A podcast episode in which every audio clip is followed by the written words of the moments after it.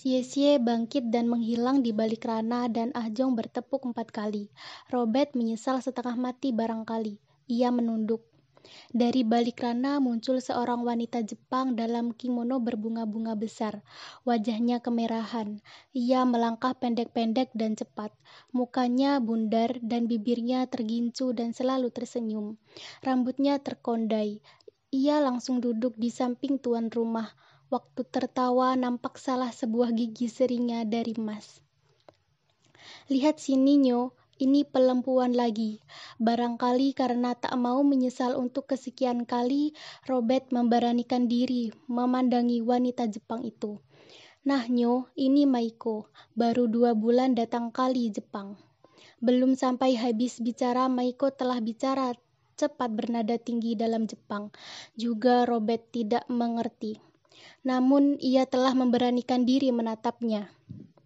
Ah Jong menutupkan tangannya pada mulut wanita itu dan berkata, ini kepunyaanku sendiri. Boleh juga kalau Sinyo suka, duduk saja sini dekatnya. Seperti anjing diamangi tongkat majikan Robert berdiri.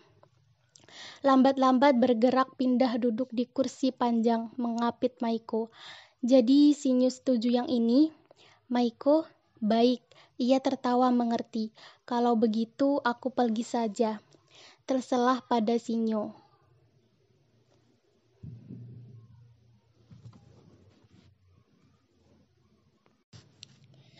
Tamu itu mengikuti tuan rumah pergi dengan matanya, dan Ah Jong mencampurkan diri dengan para tamu yang makin banyak juga, bermain kartu, karambol, atau mahyong. Ia berjalan lambat meneliti meja demi meja, kemudian datang lagi ke Sitje Bambu, berdiri di hadapan dua sejoli yang tak dapat berhubungan kata satu dengan yang lain itu. Ya, memang susah Nyo. Maiko tak mengerti Melayu, apalagi Belanda. Bagaimana bisa Sinyo tak pernah bergaul dengan noni-noni Jepang, tak pernah ke kembang Jepun balangkali? Lihat pun baru sekali ini, bah, baru Robert memperdengarkan suaranya. Luginyo, Lugi jadi anak muda berduit. Di setiap jumlah pelisan, Tionghoa seperti ini hampir selalu ada noni-noni Jepang. Luginyo, Lugi. Tidak pernah masuk rumah lampu merah di kota, di kembang Jepun, di Betawi, memang benar-benar Luginyo, Lobel.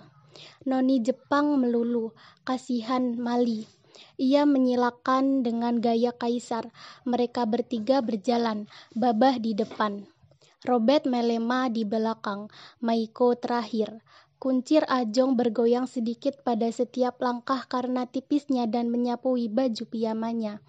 Mereka melewati rana berukir tembus. Maiko terus-menerus bicara dengan suara memikat dan melangkah pendek-pendek cepat. Bau minyak wangi memenuhi udara. Mereka memasuki koridor yang diapit oleh kamar-kamar. Pada kiri dan kanannya, tanpa perabot kecuali hiasan dinding. Beberapa perempuan Tionghoa muda sedang bicara satu sama lain di sana-sini. Semua berdandan dan berhias rapi dan menyambut Ajong dengan sangat hormat, kemudian juga pada Robert dan tidak pada Maiko.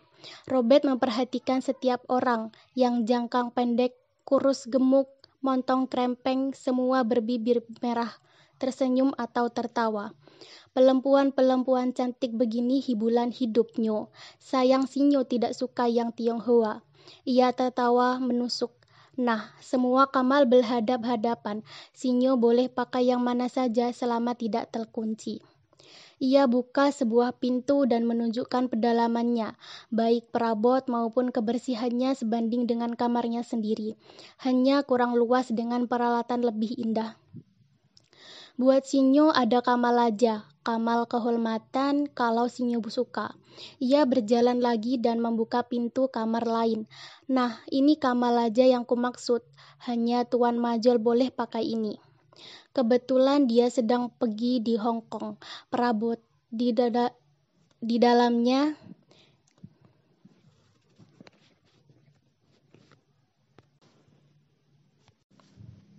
Perabot di dalamnya semua baru dan dengan gaya yang Robert tak tahu namanya juga tak mengurusi. Di pintu babah bertanya pada tamunya tentang pendapatnya, dan Robert tak punya sesuatu pendapat kecuali mengiyakan kebagusannya. Ah Jong masuk, Robert dan Maiko mengikuti. Pelabot terbaiknya, baru selesai dibuat, gaya Prancis sejati. Memang Tuan Majol suka segala yang Perancis. Ini buatan tukang-tukang Perancis kenamaan. Pelabot paling mahalnya dalam gedung ini. Di pojokan sana dalam kemali kecil.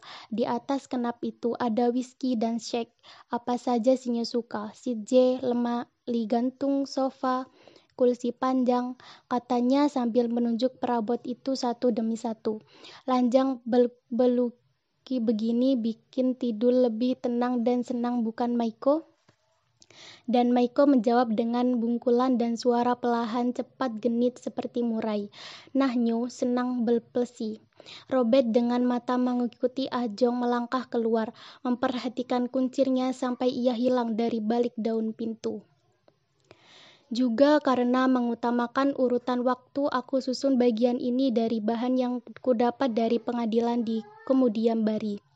Sebagian terbesar didasarkan pada jawaban-jawaban Maiko melalui penerjemah tersumpah dan kutulis dengan kata-kataku sendiri. Aku datang dan berasal dari Nagoya, Jepang, ke Hong Kong sebagai pelacur.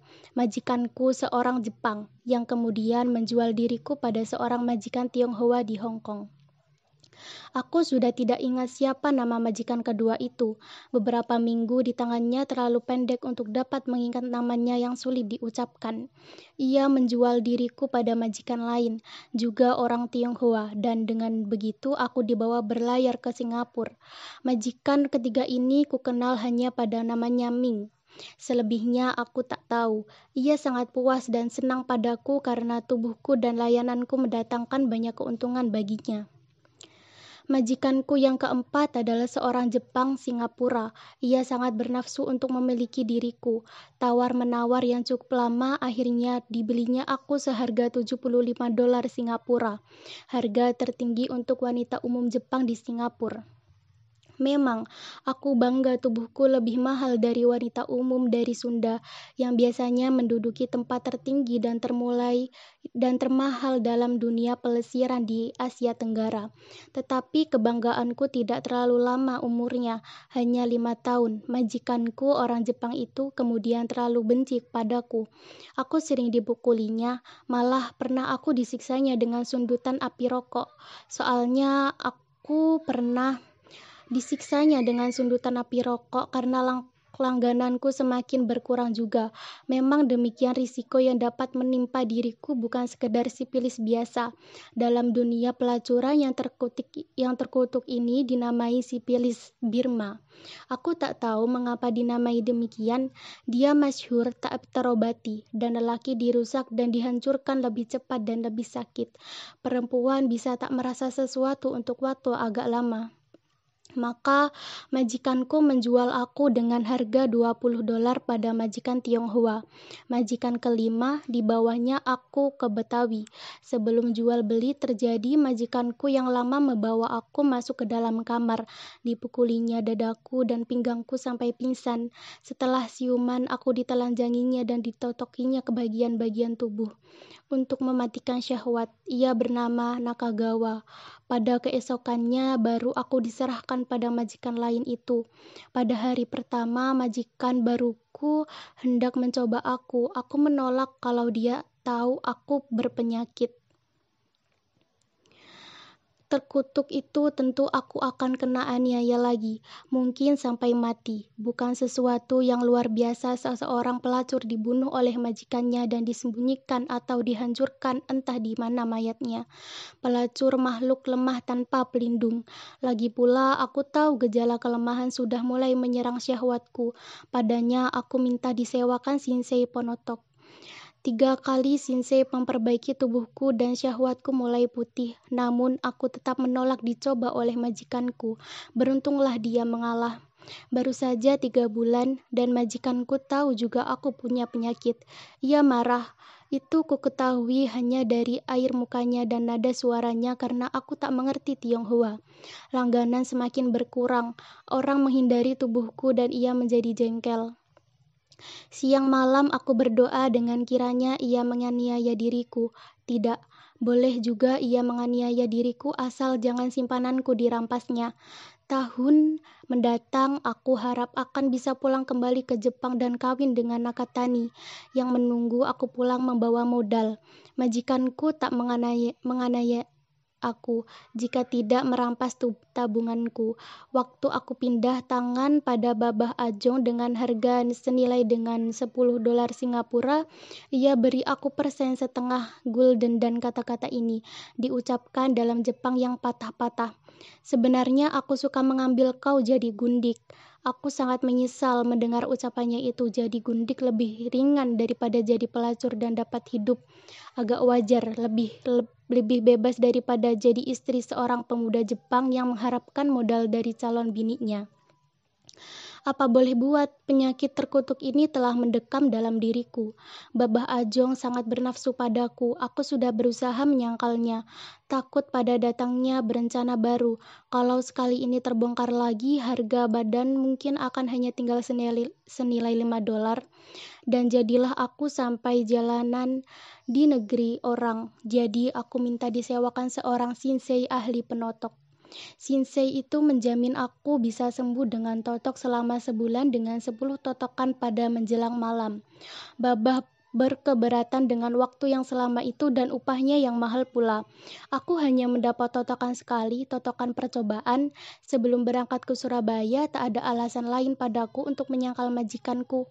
Aku dipergunakannya untuk dirinya sendiri semata sampai aku ditempatkan di rumah pelisirannya di Wonokromo dan mendapat kamar terbaik. Bila berada di rumah pelesirannya, hampir selalu ia tinggal di kamarku, tidak di kamar lain yang 14 banyaknya. Babah nampaknya tak tertulari tak tertulari penyakitku, maka aku merasa tenang dan senang. Memang ada sejenis lelaki yang kalis dari penyakit dunia pelesiran. Boleh jadi memang karena totokan yang sekali itu penyakitku kehilangan keganasannya, maka tidak menular, siapa tahu, dan harga tubuhku boleh jadi akan naik lagi. Ya, siapa tahu, kalau Babah mengundik diriku, aku akan bersyukur dan akan mengabdi padanya sebaik-baik seorang gundik. Kalau tidak, sebelas bulan lagi cukuplah waktuku jadi pelacur, dan aku akan pulang. Setidak-tidaknya aku sudah terlalu mampu untuk menebus diriku dari majikan terakhir. Bulan itu pun habis. Babah ternyata terkena sipilis Birma juga. Ia tak tahu, tak kenal penyakit aneh itu. Ia tak langsung menuduh aku karena ada banyak wanita lain dalam kehidupan pelesirannya. Lagi pula kami berdua tak bisa bicara satu pada yang lain. Bahwa ia mengidap penyakit kekutahui waktu pada suatu hari 14 orang pelacurnya dari berbagai bangsa dibariskannya telanjang bulat di hadapannya dan ditanyai seorang demi seorang tentang penyakit mereka. Pada tangan kanannya ia membawa cambuk tali kulit dan tangan kiri mengukur suhu mencurigakan yang keluar dari kelamin para wanita celaka itu. Aku sebagai perempuan Jepang satu-satunya tidak dicurigai. Di dunia pelesiran di atas bumi ini, pelacur Jepang selalu dianggap paling bersih dan pandai menjaga kesehatan. Senyawa dengan jaminan bebas penyakit, maka aku tak diperiksa. Tiga orang disingkirkan dari barisan. Ah Jong memerintahkan pada para perempuan sisanya kecuali aku untuk mengikat mereka dengan tali, mulut mereka disumbat. Ah Jong sendiri yang menghajar tubuh mereka dengan cambuk kulit tanpa mengeluarkan suara suara dari mulut mereka yang tersumbat dengan selendang.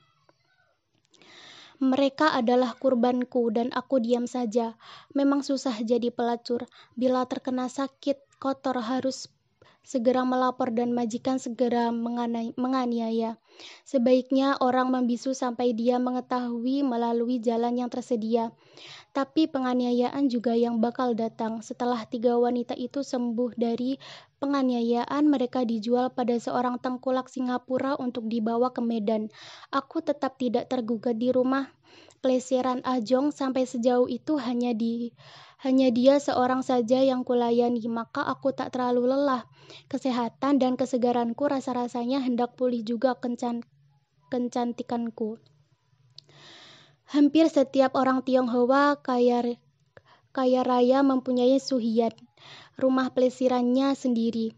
Di Hong Kong, Singapura, Betawi, maupun Surabaya sama saja adat mereka, yaitu menggilirkan rumah pelesirnya masing-masing di antara mereka. Begitulah maka pada suatu hari rumah pelesiran Babah Ajong mendapat giliran. Pagi-pagi tepukan tangan Babah telah memanggil aku keluar. Keluarlah aku. Memang ada rencana untuk berjudi pagi. Sore dan malam hari baru untuk pelesiran. Beberapa orang tamu sudah berdatangan di ruang depan bermain kartu mahjong dan karambol. Sebenarnya aku sudah gelisah, giliran pada rumah pelisiran ini jangan-jangan membuat majikanku melepas aku pada tamu-tamunya. Siapa pun tahu perempuan Jepang sangat disukai mereka. Berapa orang harus kulayani bila babah sampai hati melepas aku? Ternyata memang ia perintahkan aku melayani tamunya. Seorang anak muda jangkung bertubuh besar, kuat dan ganteng, sehat dan menarik, seorang keturunan Eropa, namanya Robert. Sebenarnya iba hatiku melihat kemudian harinya. Sepintas kelihatan ia seorang pelonco yang belum banyak pengalaman. Siapa tidak kasihan melihat anak semuda itu harus terkena penyakit celaka sebentar nanti kalau dia menghendaki tubuhku. Menanggung seumur hidup, mungkin juga cacat atau mati muda karenanya. Aku perhatikan air muka majikanku, ia main-main atau sungguh-sungguh. Nampaknya ia tak menyesal melepas diriku untuk Robert. Sekaligus aku mulai mengerti, dia telah tahu juga aku menularinya dengan penyakit itu. Sebentar lagi ia akan jual aku pada orang lain, atau ia akan paksa aku menebus diriku sendiri dengan anta berapa puluh puluh dolar. Aku merasa sangat sangat sedih pada pagi itu. Setelah Babah membawa Robert dan aku ke dalam kamarnya dan menguncinya dari luar, tahulah aku, aku harus bekerja dan bekerja sebaik-baiknya. Aku harus buang segala kesedihan dan wawasku. Robert duduk di kursi panjang. Segera aku berlutut di hadapannya dan mencabut larsa dari kakinya. Sebagi itu, kaos kakinya kotor dan nampak tak terawat sebagaimana mestinya. Dari lemari ku ambilkan sepasang sandal, tak ada yang cocok ukurannya. Kaki itu sangat besar. Apa boleh buat? Baru kemudian aku tarik kaos dari kakinya yang kokoh dan kuat itu. Sandal hanya kuletakkan di depannya, tidak kupasangkan. Sandal jerami itu akan hancur kemas masukkan kakinya. Ia tidak mengenakannya. Nampaknya ia seorang yang ba yang banyak bertimbang-timbang. Robert tidak bicara apa-apa, hanya memandangi aku dan segala tingkah lakuku dengan mata terheran-heran. Ku lepas kemejanya yang bersaku dua. Ia diam saja. Ku ketahui dua-dua kantong itu kosong. Ku persilakan ia berdiri dan ku lepas celana kudanya.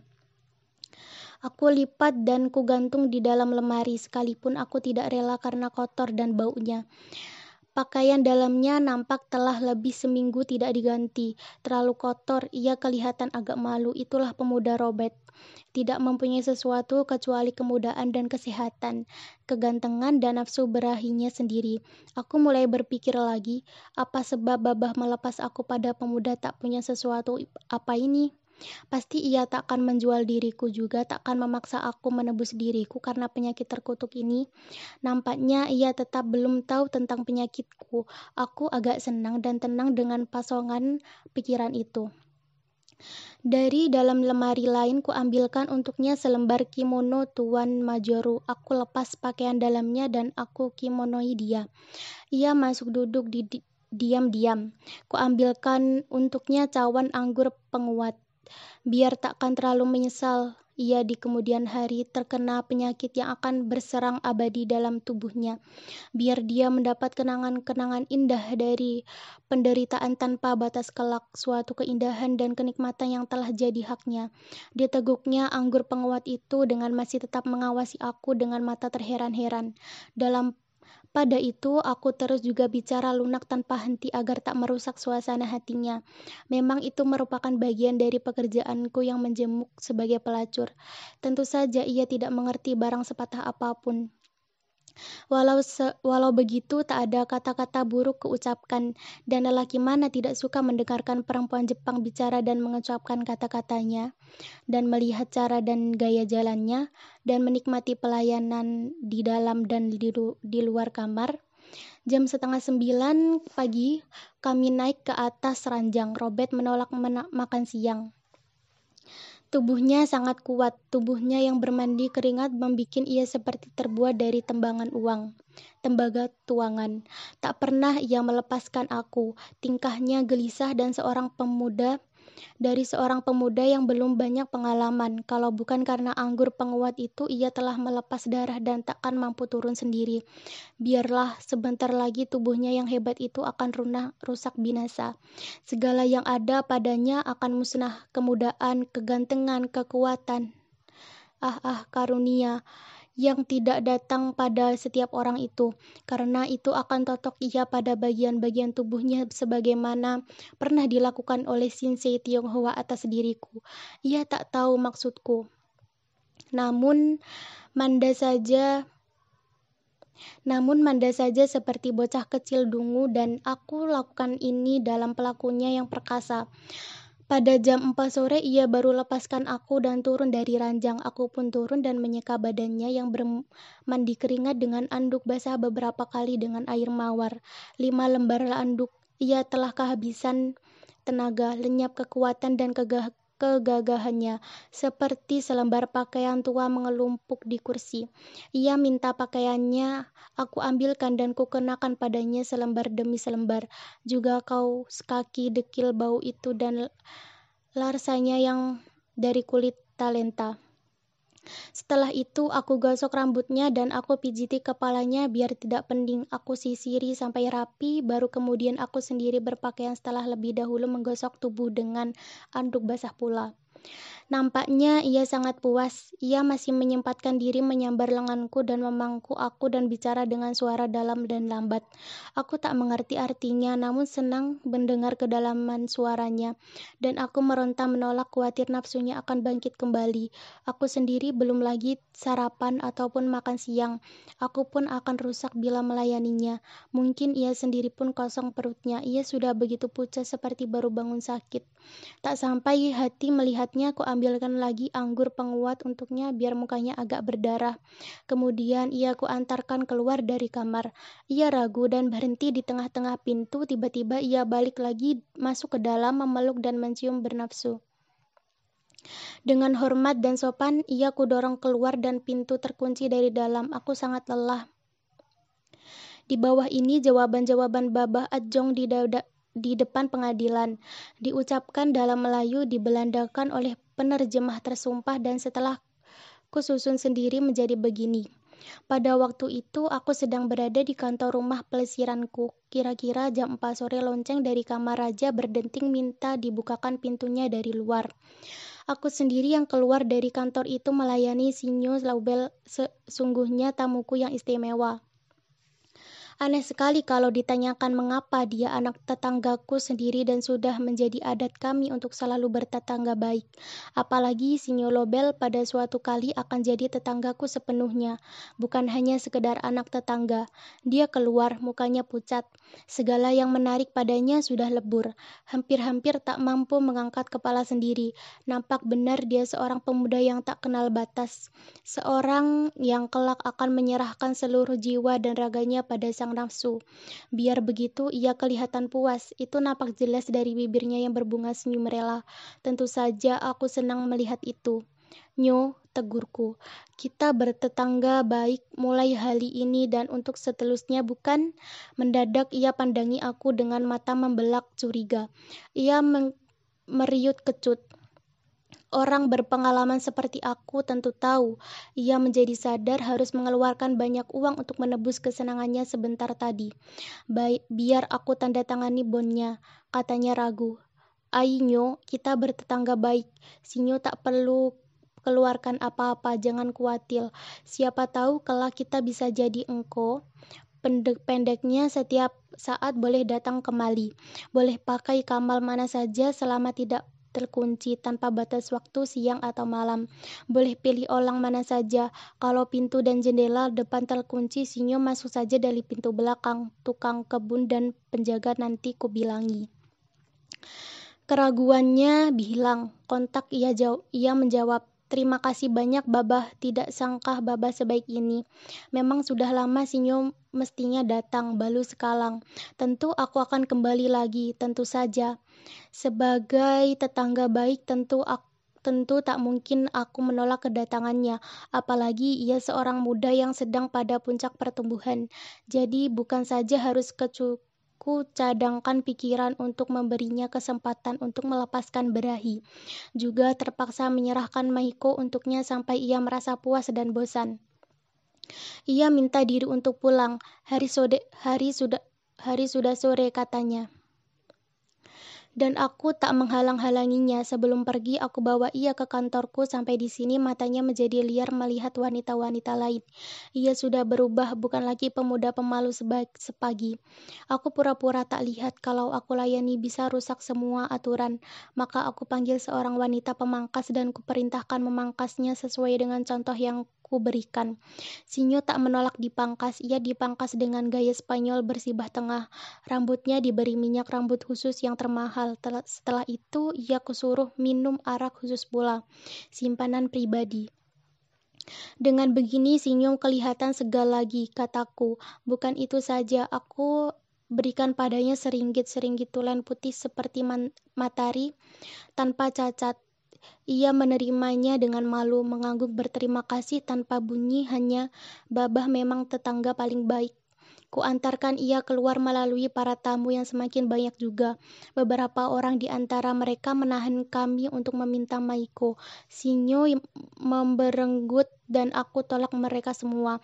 Aku iringkan ia keluar pelataran waktu kudanya setelah memasuki jalan jalan raya dan membolok ke kiri, baru aku masuk lagi dan terus pergi mendapatkan Meiko. Setelah itu tak tahu aku apa yang kemudian terjadi dengan Sinyo.